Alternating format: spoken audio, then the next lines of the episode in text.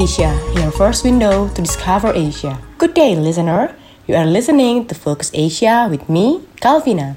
For this week, we have news from India, China, Indonesia, and Korea. The first news comes from India.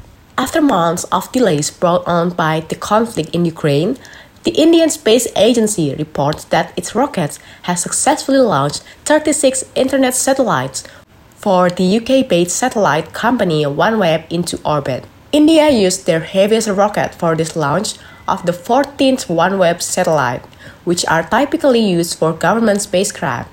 In 2019, OneWeb launched its first satellite. Each OneWeb satellite weighs approximately 150 kilograms. According to ISRO's website, the satellites would be placed in 12 rings, each having 49 satellites in a 1,200 kilometer circular orbit. Every 109 minutes, each satellite will do a full circuit of the heart. Rajeswari Pillai Rajagopalan, a director with expertise in space and security at the Observers Research Foundation in New Delhi, told the Associated Press that the launch is significant for India and illustrate the country's space agency's increasing opening to commercial clients. Rajagopalan claims that India has tried to corner this market by branding itself as a satellite launch facility. India is skilled in launching smaller satellites.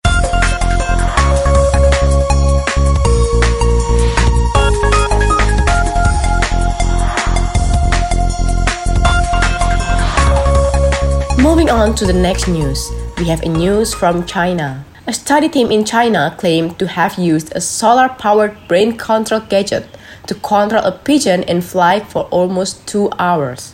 The research was led by Huai Ruitu, a professor in the Department of Electrical and Automation Engineering at Shandong University of Science and Technology. The researchers mounted a solar panel on a pigeon's back that was roughly the size of a smartphone screen. A brain control device on the bird's head was powered by a tiny lithium battery charged by the solar panel and produced nerve stimulating signal while maintaining wireless connection with the home base. Due to the little batteries that pigeon could carry, the researchers highlighted that in earlier trials, the bird only obeyed human direction for 45 minutes, or about as long as a normal commercial drone. The findings demonstrate that after the system is built, Animals that are active outside, such domestic pigeons, have significantly longer running times and can execute activities farther away without experiencing the issue of energy weariness.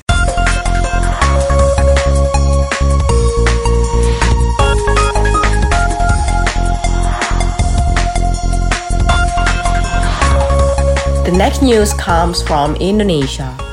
Media Global Generation T or Gen T released as many as 26 young Indonesian figures included in the list of 300 names of leaders who shaped the future of Asia. The owner of Gen T Tatler collaborated with Credit Suisse, an investment banking company, in the T List 2022 Leaders of Tomorrow Shaping Asia's Future in a written statement received in Denpasar, Bali, stating several names that were included in the recognition.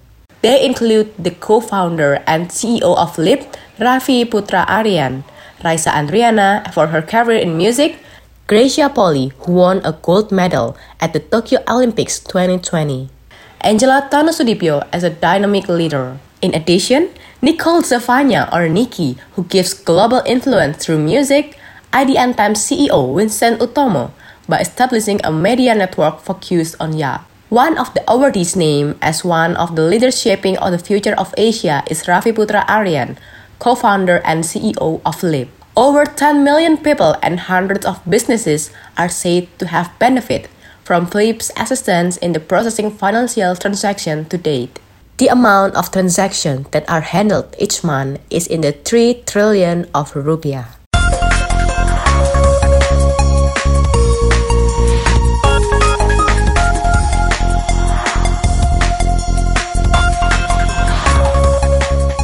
Last, there is a news about 17's additional concert in Jakarta.